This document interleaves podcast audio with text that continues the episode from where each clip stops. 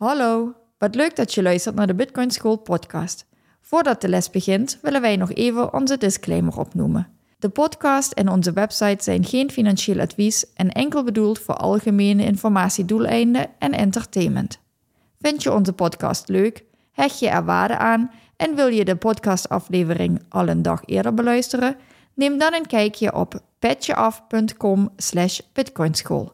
Alvast bedankt en dan beginnen we nu aan de les.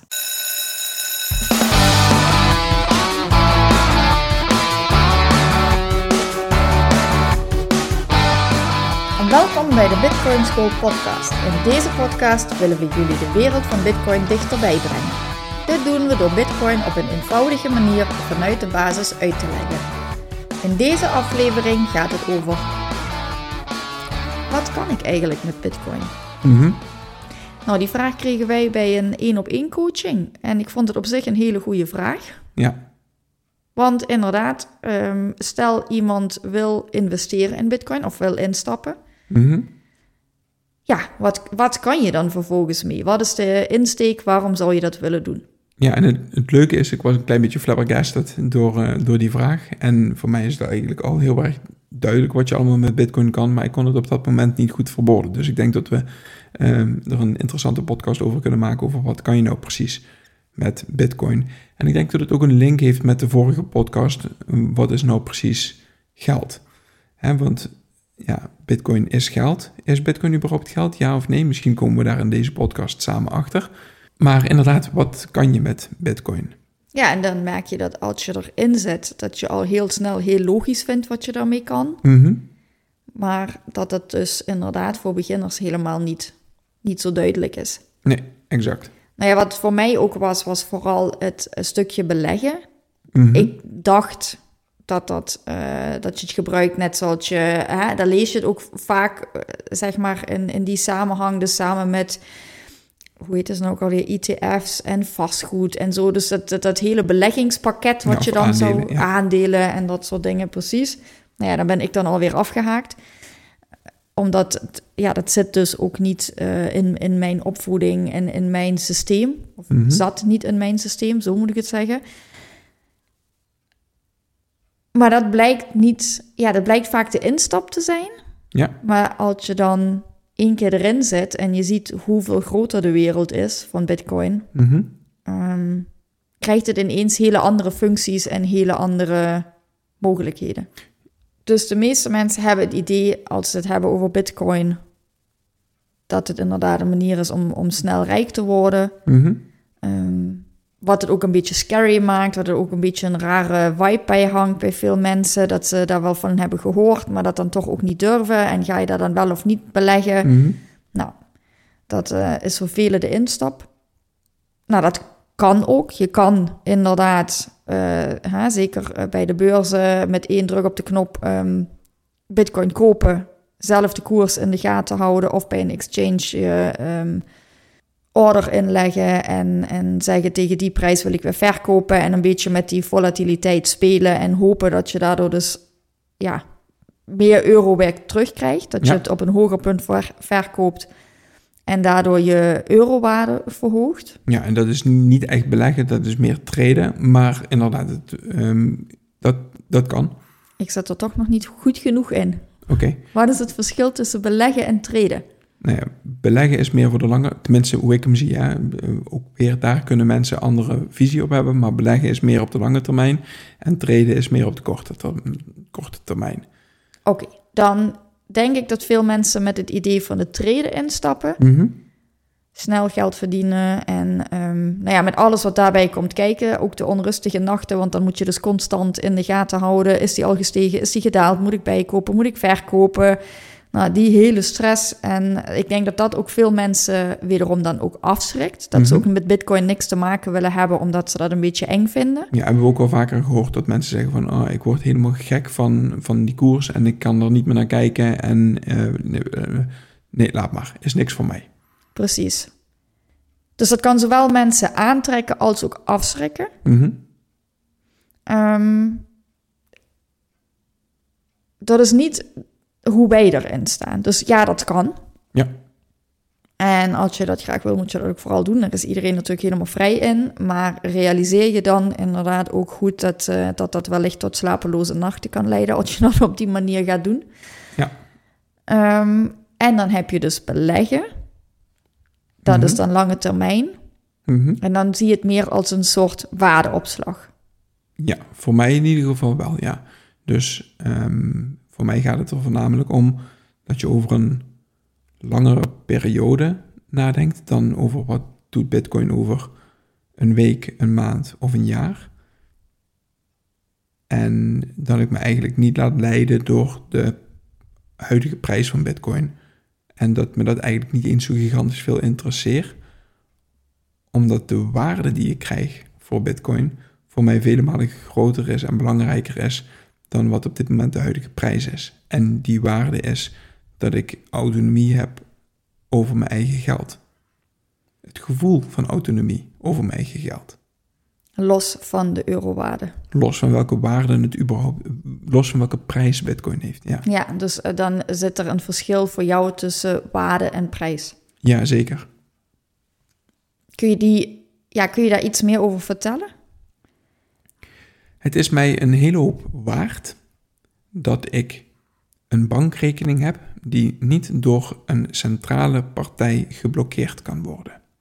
Het is mij een hele hoop waard dat wanneer ik dat wil, ik geld van hier naar Australië kan overmaken met een druk op de knop, zonder dat daar überhaupt partijen tussen zitten of dat er vragen gesteld worden waarom ik geld überhaupt naar Australië wil overmaken.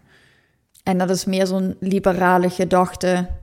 Ja. Dat je zegt, ik um, ja, wil die eigen beschikking hebben. Ja, het is mij een hoop waard dat ik in een systeem zit waarbij ik weet dat er een absoluut limiet van 21 miljoen is. Die drie dingen die ik zojuist benoemde, en, en als ik dan, ik kan misschien nog wel eventjes doorgaan, maar ik pak nou even deze drie dingen. Dat is voor mij waar kernwaarde van Bitcoin achter zitten, in plaats van dat ik naar de prijs van Bitcoin heb. En dat is dat die op dit moment op 25.000 euro staat. Dat boeit me niet zo gigantisch veel. Ja, dus inderdaad, um, voor jou de. Ja, nou ja, dus dan heb je dus het, het, het traden, je hebt het beleggen, dus op lange termijn. En mm -hmm. daar speelt vooral die, die schaarste, die 21 miljoen, wel een hele belangrijke rol in. Mm -hmm, zeker. Want in het eurosysteem hebben we dat niet. En op dit moment zit er een dusdanige inflatie dat uh, je niet weet wat je geld over tien jaar nog waard is. En dat je eigenlijk het stukje sparen voor je pensioen of voor je kinderen of wat dan ook. Nou ja, eigenlijk worden we nu genoodzaakt om het geld zo snel mogelijk uit te geven. Want ja, geen idee wat het morgen nog waard is, om het even heel uh, zwart-wit te benoemen.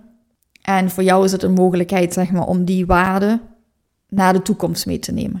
Nee, je had het er net over, over sparen. En inderdaad, tegenwoordig kan je in het eurosysteem, naar mijn mening, kan je niet meer sparen. Want op dit moment is de spaarrente die je krijgt bij de bank, is minder dan de inflatie. Dus op het moment dat je um, dat geld 100 euro op een spaarrekening zet en je krijgt daar op dit moment 2% voor en de inflatie is 7%, dan ga je nog altijd 5% achteruit.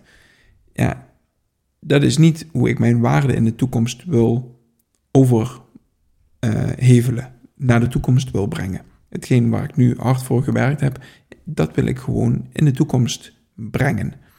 En ja, ik weet niet of dat bij Bitcoin gaat lukken.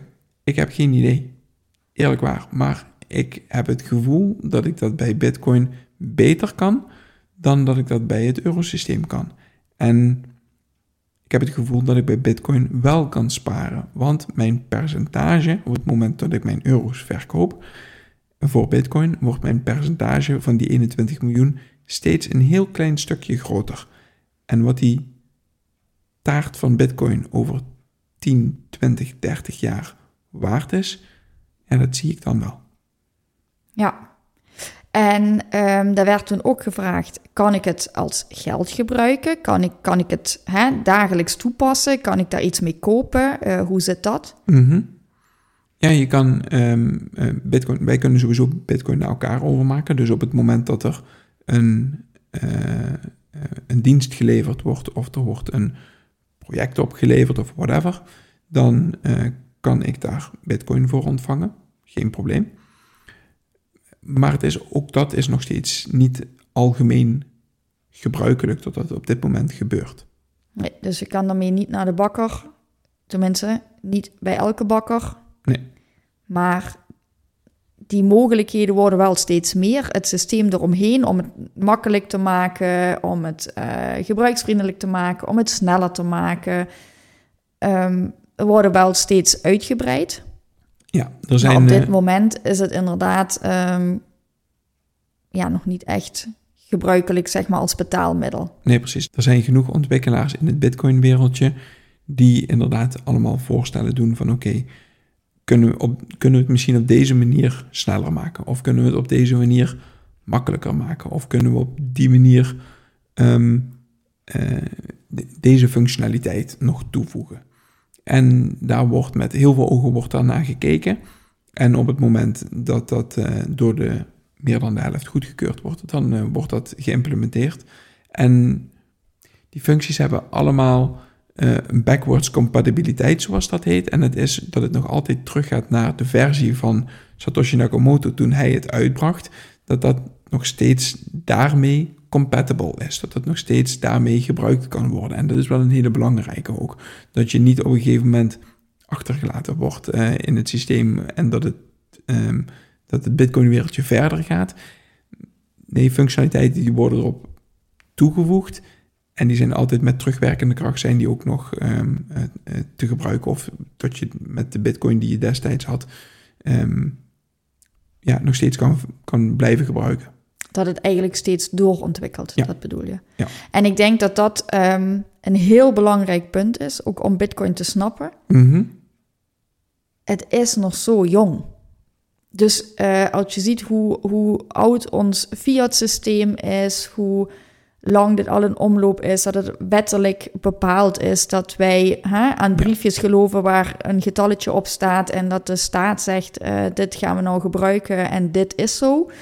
Um, en dit al jaren doen en wij daarmee opgegroeid zijn en onze hele economie, ons hele leven daarop ook is opgebouwd en ik het dus mm -hmm. ook overal kan gebruiken. En um, nou ja, we zijn zo gewend daaraan dat dat allemaal werkt en hoe dat dan werkt. Mm -hmm dat we, wat we vorige keer hebben besproken, ook helemaal niet meer stilstaan bij hoe werkt dat dan en aan welke eigenschappen voldoet het. En omdat Bitcoin nog zo nieuw is, loop je nu eigenlijk pas tegen nou ja, problemen aan en daar wordt dan een oplossing voor verzonnen. Om vervolgens weer tegen iets aan te lopen en te denken: hey, hoe gaan we dit oplossen? En ja. dit moet sneller. En nu we deze functionaliteit toepassen, merken we dat het ja, geen idee langzaam is of. Uh, weet ik niet, te ingewikkeld is. Dus dan gaan de ontwikkelaars, de community, weer aan de slag om daar een oplossing te voor, voor te verzinnen. Ja, ja precies. En, en, en, iedereen op deze wereld kan een ontwikkelaar zijn. Hè? Dus het is niet zo dat er uh, nu een stel, een groepje is met uh, Bitcoin-ontwikkelaars en dat zij de enige zijn die eraan mogen programmeren en de richting bepalen. Nee, jij, als jij um, software engineering uh, zou studeren, zou uiteindelijk ook gewoon aan Bitcoin kunnen ontwikkelen. Ja. En ik ook. En het mooie is, je kan het een beetje vergelijken met de beginselen van überhaupt het computertijdperk of van het mm -hmm. internet of zo. Dat het in het begin was het ook alleen, even nonchalant gezegd, voor de freaks. Mm -hmm. Ja, mensen die het snapten, alles in code en uh, super grote toestellen en weet ik het allemaal. En het was ja. alleen voor een paar mensen die, die daarmee om konden gaan. Ja. Nou ja, kijk waar we nu staan ja, met een druk op de knop uh, staat de Netflix aan. En zelfs uh, hè, uh, de kleinste kindjes weten hoe je moet swipen op de telefoon en mm -hmm. hoe ze Netflix kunnen aanzetten. Of ze roepen: Hey Google, zet me Peppa Pig op. Zoals het bij ons hier thuis ging. dus um, je denkt daar niet eens meer over na. Het wordt op een gegeven moment zo geïntegreerd in je leven. En mm -hmm. wat dat betreft staat Bitcoin gewoon nog zo in de kinderschoenen. Dat nee, je kan nu nog heel veel niet Mm -hmm. Maar er wordt zo veel ontwikkeld en ze zijn constant ja. bezig om, om het toepasbaar te maken, om het makkelijker te maken. Ja, we, nou ja, we, we hebben het voornamelijk over um, toch wel een belangrijk fundament van de samenleving. We hebben het over geld. En dat is, Bitcoin is pas 14 jaar oud. En als je daar even over, over nadenkt, weet je, goud heeft volgens mij 5000 jaar lang bestaan als zijnde uh, geld, als zijnde ruilmiddel voor producten en diensten. Het fiat geld bestaat ook al ontzettend lang inderdaad. En bitcoin bestaat pas 14 jaar. Ja, en de, de vraag is of dat, er, uh, of dat bitcoin uh, ja, een langere toekomst gegund is. Ik ga ervan uit van wel. Um, zeker als ik, uh, als ik naar de eigenschappen ga kijken en, en waar het in die afgelopen 14 jaar waar we vandaan zijn gekomen en waar we nu staan. Nou, ik denk dat het wel een wereldwijd ding gaat worden uiteindelijk. Ja, wat daar dan ook bij past is de vraag: hè, ben ik niet al te laat? Heb Mhm. ik de trein niet al gemist en zo? Nou ja, dat is heel erg als je kijkt naar dat stukje eh, heel snel heel rijk worden. Mhm. Die, die hype die het Mhm. heeft gehad, waardoor het echt eh, hè, overnacht van een eh, paar dollar of iets naar, naar tienduizenden dollar is gevlogen en zo. Ja, geen idee of het dat nog mee gaat maken. Maar de hele infrastructuur eromheen, dus eh, als je kijkt naar andere functies, Mhm. daar staan we echt nog in de kinderschoenen. Ja, er dus als je dan nu instapt, Er is trouwens niet één nacht geweest waarbij het van 1 dollar naar, eh naar 10.000 dollar gegaan is. Daar is ook altijd een, een, een tijd overheen gegaan. Maar inderdaad, die volatiliteit heeft er wel voor gezorgd dat een aantal mensen heel erg rijk zijn geworden. Klopt. Ja. Ja. en wat dat betreft zou je kunnen denken, nou ja, goed, die hype is voorbij, dat, Mhm. die, die boot heb ik gemist. Mhm. Maar als je op lange termijn gaat kijken en welke functionaliteiten nu nog toegevoegd worden en waar het naartoe zou kunnen gaan, Ja, dan komen we weer terug op de waarden die ik zojuist ehm, eh, besprak. Wat het voor mij heeft. En, en dat dat voor mij veel belangrijker is dan de huidige prijs. nou ja, het grappige is als je daarop doorfilosofeert is, stel je doet het om te traden.